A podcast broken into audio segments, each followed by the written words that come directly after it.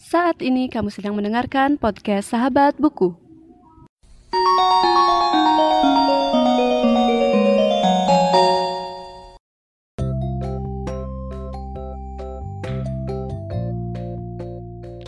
Halo semuanya dan selamat datang kembali di Sahabat Buku Dan kali ini aku mau share ke kalian.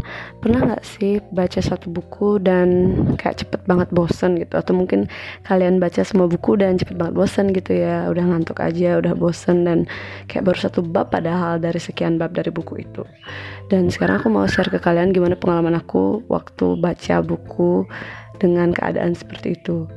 Jadi uh, aku suka baca itu suka baca buku itu sekitar mulai kelas 11 SMA atau kelas ya sekitar kelas 10 atau kelas 11 lah gitu. Dan itu benar-benar membuat aku jadi punya suatu kebiasaan yang bermanfaat lah. Jadi kayak gabutnya aku tuh nggak terlalu apa ya kayak nggak buang-buang waktu gitu. Jadinya bisa melaksanakan kegiatan yang bisa dibilang bermanfaat buat aku sendiri. Dan juga tentunya waktu itu aku mungkin nggak terlalu banyak tahu tentang dan sekarang pun sebenarnya nggak terlalu banyak tahu tentang uh, gimana caranya memanage waktu yang benar. Karena bisa dibilang sering um, sering gimana ya sering lupa waktu dan juga sering buang-buang waktu. Karena ya namanya juga kita tidak luput dari kesalahan dan tidak luput dari kemalasan. Karena itu bisa dibilang aku nggak mau ngasih tips yang macam-macam karena aku sendiri juga susah untuk menjalaninya. Nah tapi dari sekian pengalaman aku buat baca buku ada beberapa buku yang buat aku berpikir kalau buku ini tuh kayak ngebosenin banget gitu. Ya mungkin kalian tahu buku pelajaran kebanyakan kayak gitu. Kalian baca dikit aja udah kayak apaan sih? gitu loh. Tapi di sisi lain padahal kalian perlu loh belajar buku-buku tersebut. Contohnya aja kayak yang apa ya bisa dibilang kita bisa mengambil uh, pelajaran dari buku yang kita baca.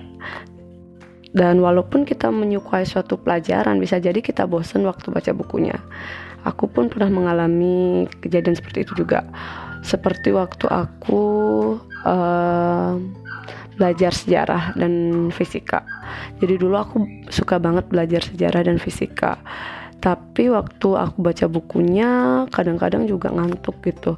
Kadang-kadang bosen karena ceritanya itu-itu aja dan kayak mungkin di fisika itu uh, tokoh yang diceritain itu-itu aja gitu. Padahal di sisi lain ada kok yang ya mungkin yang berbeda sedikit gitu. Kok nggak dimasukin di sini sih? Tapi tapi waktu aku nyari di internet malah ada kayak gitu. Dan itu merupakan hal yang kadang ngebuat kita bosan apalagi kalau mungkin orang yang nggak terbiasa baca. Pas kalian disuruh baca pasti bener kayak mager bosen banget. Apa sih? Kayak gitu loh. Tapi gimana ya? Ya mungkin ini uh, pendapat beda tentang perbedaan pendapat aja. Tapi gimana ya namanya? Uh, di negara kita Indonesia itu tingkat minat bacanya itu sangat rendah gitu dibandingkan negara-negara seperti ya contohnya Jepang kayak gitu Singapura ya negara-negara yang maju gitu. Karena sebenarnya buku itu adalah sumber peng, sumber ilmu pengetahuan seperti yang kalian tahu dan sering kalian dengar waktu kalian SD aku yakin banget pasti ada dari kalian pernah dengar itu tapi kok tetap aja sih kita kayak gini-gini aja karena emang ya dengan berkembangnya teknologi berkembang juga kemalasan kita. Setuju nggak? Soalnya udah ada HP udah ada smartphone kalian bakal jadi ya males gitu loh buat ngambil buku kayak sekarang kan banyak hal gitu yang udah digantiin sama smartphone. Contohnya kayak alarm gitu. Kita nggak perlu beli alarm yang kecil itu kan yang kayak jam waker atau alarm digital yang dulu mungkin hampir setiap keluarga punya. Dan sekarang kita cuma perlu HP untuk uh, nyetel alarm itu. Dan juga kalender kita udah punya kalender di HP kita kan nggak usah beli kalender lagi. Jadi tinggal cek HP oh udah tahu sekarang tanggal berapa. Dan juga kayak kalkulator. Dulu mungkin kalkulator itu sempat terkenal ya pada zamannya karena kita tuh nggak usah uh, ngitung manual untuk menghitung sesuatu gitu. Dan sekarang udah udah ada kalkulator jadi lebih mudah. Dan dengan kalkulator yang ada di HP malah lebih mudah lagi. Nggak perlu bawa kalkulator ke mana-mana ya nggak sih nah tapi dengan kemudahan-kemudahan yang diberikan oleh smartphone ataupun ya dibilang teknologi zaman sekarang itu juga membuat siswa uh, siswa dan mahasiswa itu jadi semakin males. Dan ya mungkin di sini aku sedikit menyinggung tentang uh, akademik juga karena uh, yang namanya kita agak malas gitu ya. Mungkin kayak malas kerjaan tugas akhirnya ada istilah uh, plagiarism jadi kalian tuh mungkin agak suka ngekopas sesuatu yang kita dapat di internet. Dan juga di sisi lain uh, banyak informasi-informasi palsu atau hoax yang beredar di internet tanpa kalian uh, tahu kalau itu sebenarnya hoax bukan berita yang sebenarnya kayak gitu. Nah di sini juga uh, dengan kita membaca kita juga melatih uh, apa ya bisa dibilang critical thinking loh. Karena kalian jadinya semakin kritis uh, pada sesuatu. Nggak cuma nerima-nerima aja gitu. Karena zaman sekarang itu informasi itu cepat. Dan kita bahkan nggak tahu kebenarannya.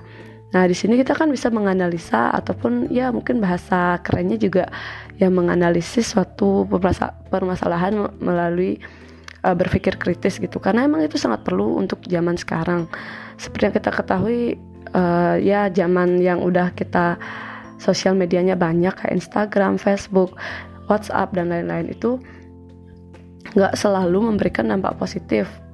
Karena memang walaupun tujuannya positif seperti kita ketahui kan dengan dengan adanya uh, informasi yang bisa diterima dengan cepat dan juga cara berkomunikasi yang bisa dibilang sangat cepat gitu ya. Karena ya kita ngirim pesan dari uh, eh, HP kita sekarang terus yang lagi sedetik aja udah nyampe gitu loh di HP teman kita. Beda kayak nyaman dulu yang kita mesti pakai uh, surat dan itu ngirimnya lama gitu bisa sampai sebulan loh. Sebulan seminggu ya mungkin bisa dibilang sangat positif ya dampak yang diberikan oleh uh, smartphone kita sekarang. Tapi di sisi lain seperti yang aku bilang tadi nggak semua hal ada dampak positifnya pasti juga ada dampak negatifnya. Dan dengan keberadaan ya alat-alat komunikasi yang canggih ini kita juga bakal kebiasaan kebiasaan kebiasaan kita yang yang dulunya mungkin dibilang rajin jadinya males gitu. Kayak mungkin bisa dibilang kayak kita dulu belanja keluar jadinya karena udah ada online shop gitu kita nggak usah keluar lagi kita tinggal nunggu paket yang uh, paket kita tinggal nunggu paket datang ke rumah ya udah deh kita nggak perlu jalan gitu nggak perlu keluar gitu kan. Dan itu kan emang dampak positifnya tapi di sisi lain kan meningkatkan rasa malas meningkatkan rasa malas kita juga. Ya salah satu yang kena dampaknya ya buku itu tersendiri karena pasti banyak orang juga jadinya malas baca buku selain ya sebelum kita lanjut ke buku bisa dibilang contohnya aja kayak baca koran.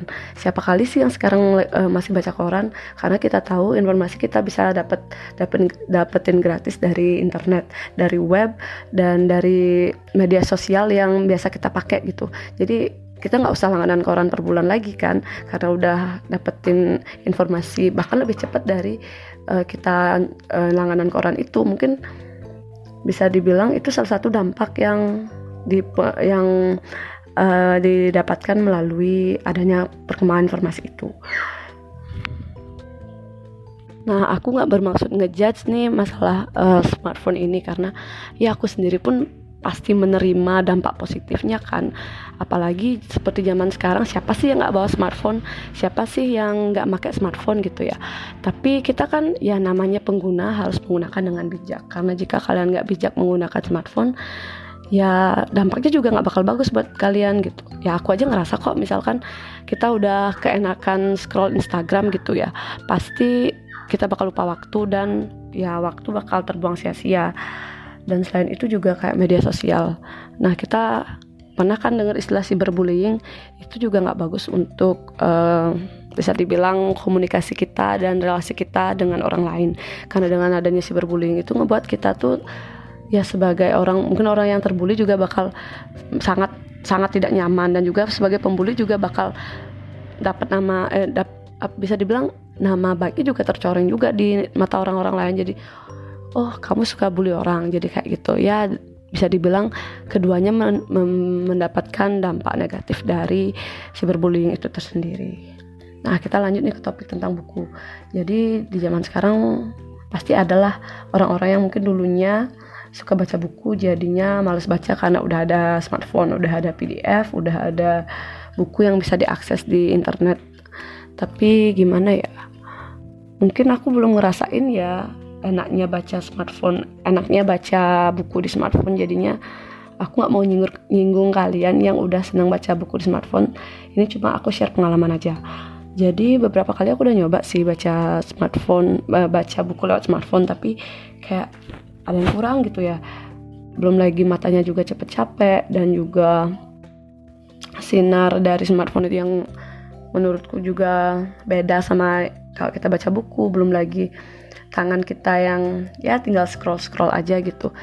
Padahal waktu megang kertas itu beda loh feelnya. Ya menurut aku sih gitu dan juga seperti yang aku bilang tadi mengenai buku non fiksi ya untuk buku fiksi pun sebenarnya juga memberikan manfaat yang bagus buat kalian. Jadinya otak kita berpikir gitu. Dalam tanda kutip berpikir lebih keras lah dibanding kita nonton TV dan juga um, main game um, bukan main game ya. Kayak bisa dibilang cuma nge-scroll Instagram atau sosial media jadi ya dengan otak semakin bekerja jadinya kan penggunaan otak kita jadinya cukup optimal dan bisa ditingkatin lagi dengan uh, melatih uh, berpikir kritisnya kita. Jadi dengan baca buku apalagi ya bisa dibilang bertingkat lah baca bukunya gitu dari buku yang gampang ke tingkat yang lebih susah bakal melatih kita untuk uh, berpikir kritis juga gitu. Jadinya banyak manfaat yang kita dapetin. Dan selain itu juga aku mau membahas tentang apa ya? tentang buku pelajaran yang efektif. Nah, ini mungkin sering terjadi ya di sekolah-sekolah gitu. Jadinya kayak pasti ada adalah siswa yang ya kita harus beli buku gitu kan, beli buku pelajaran atau minjem buku pelajaran, tapi ujung-ujungnya kita nggak ngerti tentang buku pelajaran tersebut. Jadi menurut aku gimana ya sepengalaman aku menjadi siswa dan sekarang jadi mahasiswa sebenarnya kita harus bisa hmm, bisa dibilang apa ya ya saling mengerti lah gitu. Jadi ada ada beberapa buku yang menurut aku kayak uh, disusun kurang menyenang dengan cara yang kurang menyenangkan jadinya uh, kurang menarik gitu buat siswa dan jadi kita males baca jadinya kayak waktu kita beli itu kayak rugi aja jadinya kenapa sih gue harus beli buku kayak gini gitu. Tapi di sisi lain kita harus memanfaatkan buku itu dengan baik walaupun kalian nggak suka. Jadi masih itu menjadi kewajiban kalian. Menjadi kewajiban kita aku dan kamu kita mesti uh, pakai bukunya sebaik-baiknya walaupun mungkin kita emang nggak suka. Tapi ya namanya juga kita harus gitu ya yang namanya keharusan yang namanya kewajiban kita nggak bisa langgar gitu. Nanti suatu saat kita pasti bakal dapat manfaatnya kok walaupun kita ya sekarang mungkin nggak suka gitu. Jadi ini nggak sekedar masalah kalian suka atau enggak tapi ada faktor lain lah yang menyebabkan kita harus mungkin bisa dibilang membaca satu buku. Contohnya aja kalian misalkan nggak suka suatu pelajaran A. Nah tapi buku untuk pelajaran A ini udah tebel nggak enak dibaca. Tapi kalian harus lulus pelajaran A lo untuk uh, bisa naik ke tingkat selanjutnya kayak gitu. Ya kalian yakin buat nggak baca bukunya? Kalian yakin nggak uh, bisa lulus tanpa belajar buku itu? Ya mungkin karena sekarang ada internet mungkin kalian bakal ngelepas buku itu. Tapi kenapa kenapa sih kalian harus melakukan itu kenapa nggak kalian compare yang ada di internet dengan bukunya? Kali aja kalian bisa ya mungkin sedikit analisis gitu lah apa sih kurang bukunya ini dibanding apa yang aku dapetin di internet kayak gitu. Itu kan bisa ngelatih uh, berpikir, berpikir kritis, kritisnya kalian gitu. Karena ya mungkin seenggak sukanya kita pada satu hal ya mungkin kita nggak bakal tahu suatu saat hal tersebut bisa uh, ngasih kita sesuatu yang baik gitu walaupun kita sebenarnya nggak suka dan itu aja random talks untuk episode kali ini jadi mohon maaf karena agak jumping-jumping gitu dan sampai jumpa di podcast selanjutnya.